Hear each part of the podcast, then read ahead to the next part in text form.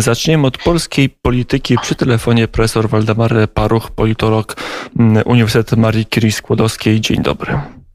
Dzień dobry, witam Państwa. Albo dobry wieczór, to już po zachodzie e, słońca. E, Patrzę na sondaże, bo ja z reguły nie, nie bardzo ufam tym sondażom, ale innego chyba obecnie nie mamy innej możliwości, aby w sposób taki naukowy ocenić, co myślą Polacy i końcówka roku wydaje się, że wróciliśmy mniej więcej do status quo ante, czyli przed kampanią prezydencką Prawo i Sprawiedliwość znowu po 40%, Koalicja Obywatelska 20 kilka, no i Lewica trochę może wzmocniona, bo no około 10 10%, Konfederacja i PSL e, też ponad progiem, ale nieznacznie. Do tego dochodzi Szymon Hołownia, e, kilka procent, e, partia rządząca udało się partii rządzącej utrzymać poparcie i wyjść z kryzysu mniej więcej obronną ręką? Rzecz nie jest taka prosta, jak pan redaktor ją opisał przed chwilą, podając dane z sondażu bodajże wczorajszego, jak dobrze pamiętam, ponieważ jest trochę inna metoda czytania sondaży, mianowicie bierzemy sondaże ważone pod uwagę, czyli te w ciągu miesiąca. Czy jak weźmiemy sondaże w ciągu miesiąca grudnia, no to wyjdą nam trochę inne, inne y, wskaźniki. Tym bardziej, że ten sondaż, który pan tutaj przedstawia, to jest trochę pytanie o kwestie mm, wirtualne. Zaraz powiem, o co mi tu chodzi. Po pierwsze, jeszcze Prawo i Sprawiedliwość nie odrobiło strat z wyborów prezydenckich. Tam te, te, te wskaźniki sondażowe przed y, tą dyskusją wokół wyborów korespondencyjnych to było około 45%. To jest duża różnica, czy 40-45%, bo 45% daje w rozkładzie parlamentarnym, niezależnie od tego, co uzyskają opozycyjne, bez, większość bezwzględną i swobodne rządzenie. To jest jedna, jedna uwaga. Kwestia następna. Chyba wydaje się, że rozpoczął się proces przewidywany przynajmniej przeze mnie od dobrych e, kilkunastu tygodni e, zjazdu ruchu Szymona Hołowni. O ile na początku milczenie Szymona Hołowni, bo za dowodem polityki pora prezydencki zaczął milczeć, było pewną cnotą, ale milczenie dalej już cnotą nie jest, a na pewno nie w polityce, ponieważ społeczeństwo stojące u progu końca, chyba końca drugiej fali pandemii, szczepień, dyskusji wokół tego, co po szczepieniach, wymaga jednak oferty politycznej, pokazania oferty personalnej, ani pierwszej, ani drugiej Szymon Hołownia nie zaprezentował i niewiele wskazuje. To jest bardzo ciekawy kazus. Ale, ale, ale zaraz przy tych liczbach się jeszcze zatrzymajmy, które pan przytoczył. Pytanie dzisiaj o PSL Koalicję Polską jest pytaniem, przepraszam, bez sensu. Jest sondaż, który był niedawno przeprowadzony, wynik chyba dwa dni temu ogłoszono, Polskie Stronnictwo Ludowe 3-4%. Dzisiaj Koalicja Polska nie istnieje jako byt polityczny po wyjściu Pawła Kukiza, a mamy jeszcze jakiś sondaż, z tego wychodzi, że Paweł Kukiz i Kukiz 15 jego formacja uzyskuje chyba 7 czy 8%. Także tutaj mamy, mamy rozchwianie, ten sondaż jest trochę niemiarodajny. Po, po, poczekajmy dwa czy trzy tygodnie, będziemy wtedy sumowali ważone te sondaże gdzieś tak 15 grudnia, 15 stycznia, wtedy faktycznie zobaczymy trendy, jakie będą po prostu e, widoczne. Jeśli byłby prawdziwy ten sondaż i pokazywał pewien trend, to znaczy, że Konfederacja powoli odzyskuje straty, które wyraźnie zanotowała w ciągu ostatnich tygodni, ale nie wiem, czy to jest jeszcze wniosek y, prawomocny tego jednego sondażu, który można byłoby tak sformułować. Mm, wróćmy do partii rządzącej, ona największa, mm, wydaje się być najbardziej interesująca, no może poza Szymonem Hołownią, bo to jest rzeczywiście e, przypadek, który warto omówić e, oddzielnie. Jest takie, przynajmniej da się odczuć, jak się rozmawia z politykami Prawa i Sprawiedliwości, takie poczucie, że e, co złego to już za nami, że nie trzeba się starać, opozycja sama za nas się postara, aby nasze poparcie utrzymywało się e, w granicach 40%, bo już były sondaże, które pokazywały, że e, Platforma czy Koalicja Obywatelska ma więcej, ma większe poparcie niż Prawo i Sprawiedliwość. Teraz już takich sondaży nie ma. Dynamika strajku kobiet spowodowała, że na powrót udało się scalić, no może nie cały, ale istotną część elektoratu e, z wiosny tego roku, jaki grupuje się dookoła Prawa i Sprawiedliwości, nie robiąc de facto nic nowego. No, walcząc z pandemią, szczepiąc ludzi dość skutecznie, bez większych wpadek, ale też e, żadnej nowej oferty programowej Prawo i Sprawiedliwość oczywiście e, nie przedstawiło, no bo środek pandemii nie jest dobrym momentem, aby takie propozycje składać. Myślę, że tak, te sondaże, o których Pan mówił, kiedy było tam wyrównanie, nawet jakiś jeden sondaż wskazywał przewagę Platformy Obywatelskiej, dla mnie były kompletnie niewiarygodne, ponieważ one dziwnym trafem odbywały się w momencie, kiedy y, druga strona sporu politycznego w Polsce wspierana przez ośrodki medialne była żywo zainteresowana w pokazaniu, że strajk kobiet w tej drugiej fazie, kiedy stał się wulgarny, barbarzyński, przynosi efekty, że już prawie władza została obalona tylko jeszcze dwa czy trzy dni, a wezwania pani Marty Lempart przyniosą skutek, rząd poda się do dymisji, będzie ogólny chaos, który się wyłoni jakaś nowy układ rządowy. Y, nie bardzo wiadomo, jakby, miał, mm, jakby on miał wyglądać. Także te, te sondaże moim zdaniem były kompletnie niewiarygodne i nie, brał, nie brałbym ich po, y, pod uwagę. Natomiast jeśli chodzi o to przekonanie, że Prawo i Sprawiedliwość kryzys sondażowy ma za sobą, można byłoby budować taki wniosek, ale pod pewnymi bardzo istotnymi warunkami, warunkami koniecznymi. Warunek pierwszy, że y, będzie z tygodnia na tydzień szybciej rozwijała się realizacja Narodowej Strategii Szczepień. To jest fundamentalne. Kiedyś panu redaktorowi powiedziałem, klucz w rozwiązaniu y, y, preferencji politycznych w Polsce dzisiaj posiada obóz rządzący, nie stronnictwa opozycyjne. Od zdolności, umiejętności, efektywności politycznej obozu rządzącego zależą sondaże za kwartał, za pół roku. To nie stronnictwa opozycyjne. Wpływ lewicy, a przede wszystkim liberałów na procesy polityczne w Polsce jest bardzo mocno ograniczony. Zawsze, kiedy opozycja pan... mówi o sobie, że jest totalna, to ma kłopot. Profesor zaznaczył dwa obszary. Oczywiście służba zdrowia, obszar oczywisty i naturalny, ale nie tylko radzenie sobie z mechaniczną pandemią, ale także wprowadzenie skutecznych, strukturalnych zmian do służby zdrowia, nie tylko powrót do tego, co było przedtem. No i po drugie, e, chyba trudniejszy aspekt, ten profesor e, wymieniał, zaproponowanie Polakom nowej jakości w życiu społeczno-gospodarczym, E, powiedzmy do podobnego wzrostu, a może jeszcze większego niż to miało miejsce w pierwszej kadencji Prawa i Sprawiedliwości e, z, z tym sztandarowym programem 500, który rzeczywiście e, zrewolucjonizował polskie myślenie o polityce społecznej. Ja bym to położył na, na stole jeszcze jedną kwestię kluczową, zapowiedzianą kilka tygodni temu przez ministra zdrowia Adama Niedzielskiego.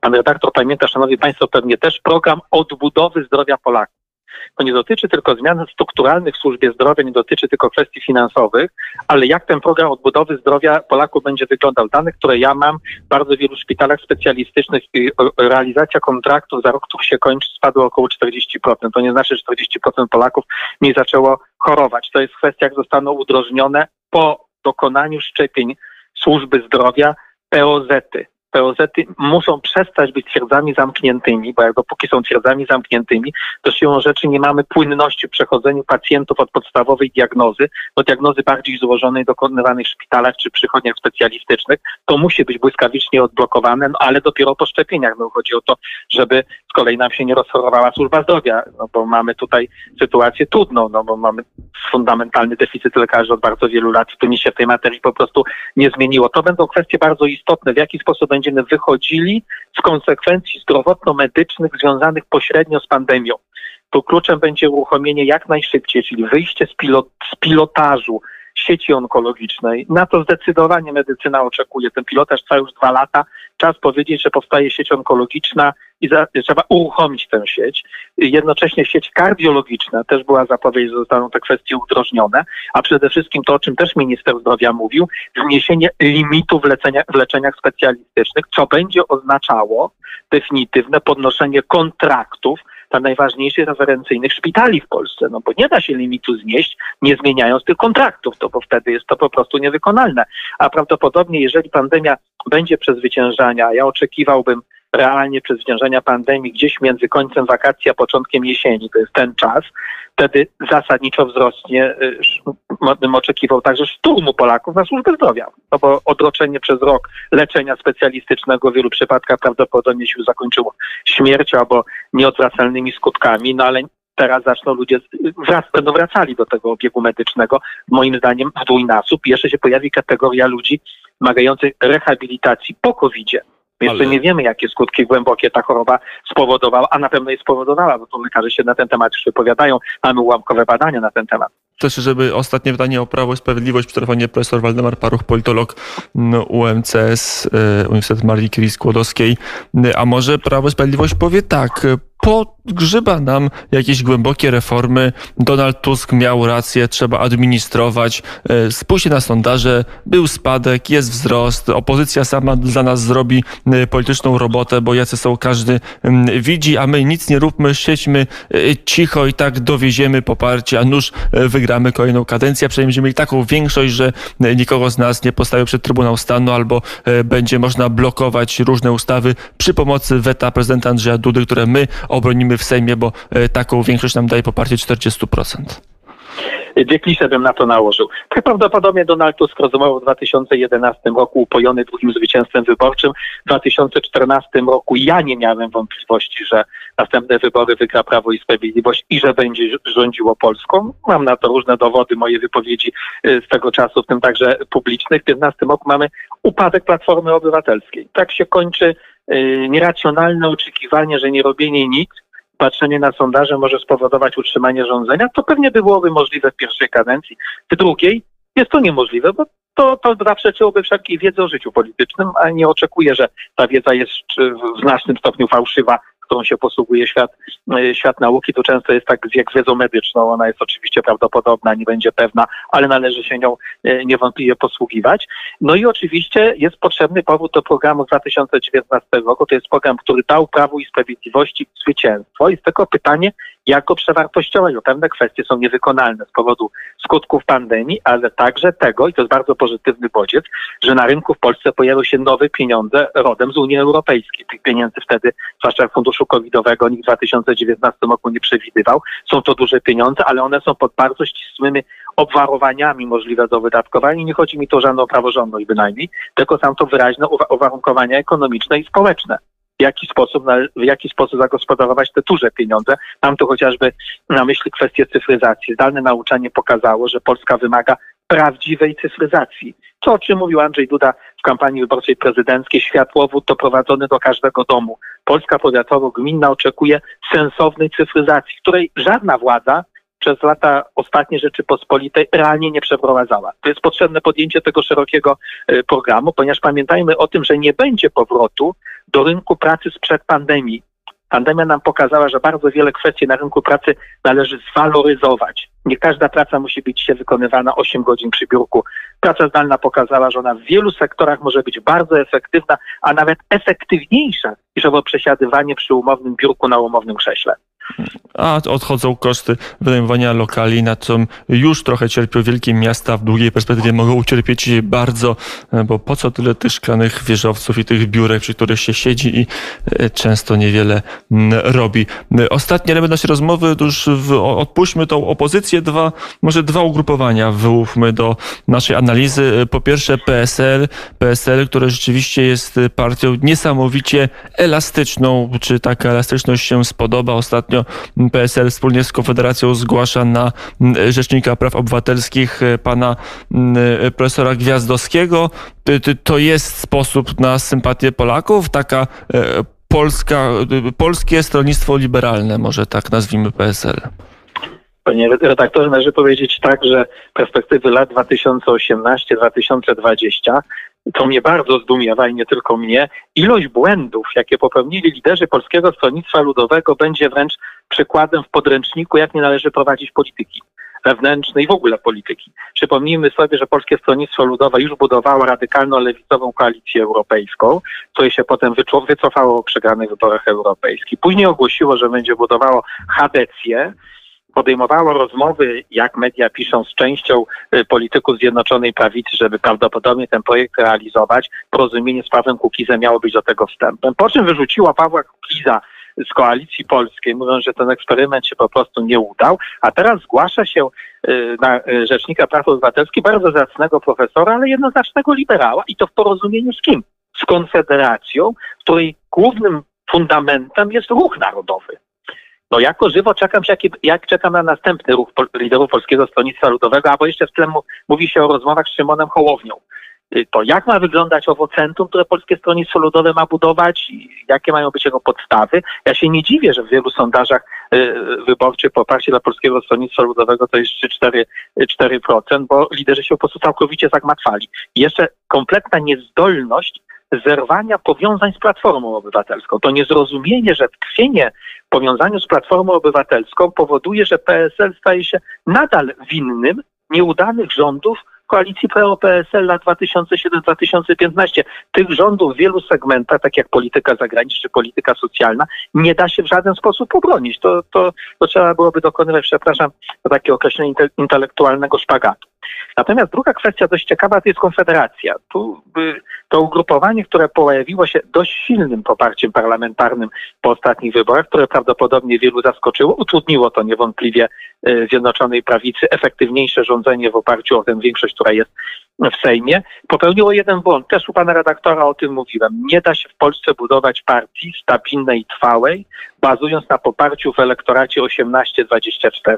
Ten elektorat z każdym rokiem mijającym zmienia swoje poglądy polityczne, a Konfederacja nie ma żadnego pomysłu, jak się na trwałe zakotwiczyć wśród różnych grup, środowisk, pokoleń, także w ujęciu geograficznym wyborców, wyborców w Polsce. Proszę popatrzeć nawet na politykę wobec pandemii. Najpierw negowano pandemię, tam było najwięcej zwolenników teorii spiskowej pandemii, potem część polityków rozchorowała się Konfederacji, ciężko przechodziła tę, y, tę chorobę, a dzisiaj na pytanie, jakie jest stanowisko Konfederacji wobec pandemii, trudno na nie odpowiedzieć, a wiemy z innych badań, że tylko 6%, tak dobrze pamiętam, wyborców tej formacji chce się szczepić no to w jaki sposób mamy wyjść z tej pandemii? Innej oferty medycznej na stole nie ma. Przez najbliższe miesiące, być może lata się nie pojawi. Mam tu na myśli ofertę w postaci leków przeciwko COVID-owi, bo na razie nie, nie, mamy efektów takich badań naukowych i nie ma żadnych przecieków, jakoby te badania wchodziły w drugą czy w trzecią fazę kliniczną, a poruszajmy się w medycynie tylko w obszarze realizmu, a nie w, w obszarze fantasmagorii jakichś teorii. E, to jeszcze jedna teoria i może fantasmagoria, może e, rzecz e, w polityce bardzo realna, czyli ruch Szymona Hołowni. Jedna posłanka w Sejmie, to pewnie nieistotne, ale jest. Struktury miały być, miały być to struktury nowe, świeże, nietypowe, bo niepartyjne, oparte o ruchy społeczne. Szymon Hołownia miał zrobić coś nowego w polskiej polityce. Udało mu się? Na ten moment w mojej optyce nie ma niczego takiego. Próba powtórzenia, bo chyba to należałoby po, tak y, to zauważyć, kariery i Janusza Palikota, i Ryszarda Petru, i Pawła Kukiza, i dla Szymona Hołowni niewykonalna, przynajmniej z jednego powodu. Szymon Hołownia nie będzie i nie może być w sposób udany politykiem antysystemowym, bo on nie ma takiej biografii za sobą. Nie ma charyzmatu, że użyję takiego określenia Pawła, y, Pawła Kukiza, nie jest rockmanem, który zszedł na, na scenę polityczną z jasnym przekazem prostym, tak trzy czy czteroelementowym. Wyraźnie jest postrzegany przez naszą część wyborców w Polsce coraz bardziej jako inna wersja Platformy Obywatelskiej. Proszę zwrócić uwagę, kiedy ruch Szymona Hołowni zyskiwał. Wtedy, kiedy Szymon Hołownia próbował się dystansować od sporu między PO a Prawem i Sprawiedliwością. Ale to dystansowanie było niekonsekwentne, niejasne, a potem ostatecznie Szymon Hołownia zaczął sympatyzować ze strajkiem kobiet, no co trudno uznać za dystansowanie się od rywalizacji między oboma głównymi partiami politycznymi w Polsce. I to, o czym pan redaktor powiedział, y, brak oferty personalnej, no na pytanie które moglibyśmy sformułować y, o 10-20 polityków, którzy by firmowali ruch społeczny Szymona Hołowni, a byliby w jakikolwiek sposób w Polsce rozpoznawalni, pewnie na to pytanie mieli, mielibyśmy wielkie kłopoty y, z odpowiedzią. No ale czy niepodobnie Nawet... było z Ryszardem Petru, czyż niepodobnie było z ruchem Pawła Kukiza? Tam był jeden solista, Paweł Kukiz, a wszyscy inni politycy, bo część z nich zostało się w polityce, e, robi kariery mniejsze, większe, poznaliśmy dopiero, kiedy oni w Sejmie zasiedli. Y, tak, ale tu są dwie zasadnicze różnice. Paweł Kukiz to był polityk antysystemowy. W Polsce mamy około 10% wyborców antysystemowych. U Szymona Hołowni nie będzie żadnym ruchem antysystemowym, bo tam nie ma takiego, takiego potencjału. Natomiast y, secesja y, w ruchu liberalnym w postaci nowoczesnej, nowoczesnej PL, tego ugrupowania Ryszarda Petru, była w momencie od, na lewo od Platformy. Mnóstwo to było elementów takich skrzyżowania wolności gospodarczej z wolnością obyczajową. Dzisiaj pamiętajmy, że Platforma z roku na rok coraz bardziej się przesuwa na lewo. Ona dzisiaj walczy w radykalizmie z lewicą, co widzieliśmy w odniesieniu do strajk kobiet. I tutaj e, Szymon Hołownia jako kolejny podmiot polityczny niejasny, nieukształtowany, walczący znowu elektorat liberalno-lewicowy, jest około 28-30% wyborców w Polsce, elektorat zachowywany w fundamentalnym fundamentalnej niechęci, wręcz nawet nienawiści do Prawa i Sprawiedliwości, no tam się robi bardzo tłoczno. Tam nie ma kolejnych wyborców do zagospodarowania. Z tego powodu około 70% wyborców w Polsce odrzuca konsekwentnie taki typ prowadzenia polityki, jaką reprezentuje od dobrych kilku lat Platforma Obywatelska, czyli negowania rzeczywistości, bycia totalną opozycją i jeszcze mieszania w to wszystko tak zwanej zagranicy, czyli działania w wielu przypadkach na szkodę interesów Polski na arenie międzynarodowej. Powiedział profesor Waldemar Paruch, politolog. Panie profesorze, Dziękuję bardzo za rozmowę. Dziękuję bardzo, do widzenia, dobranoc.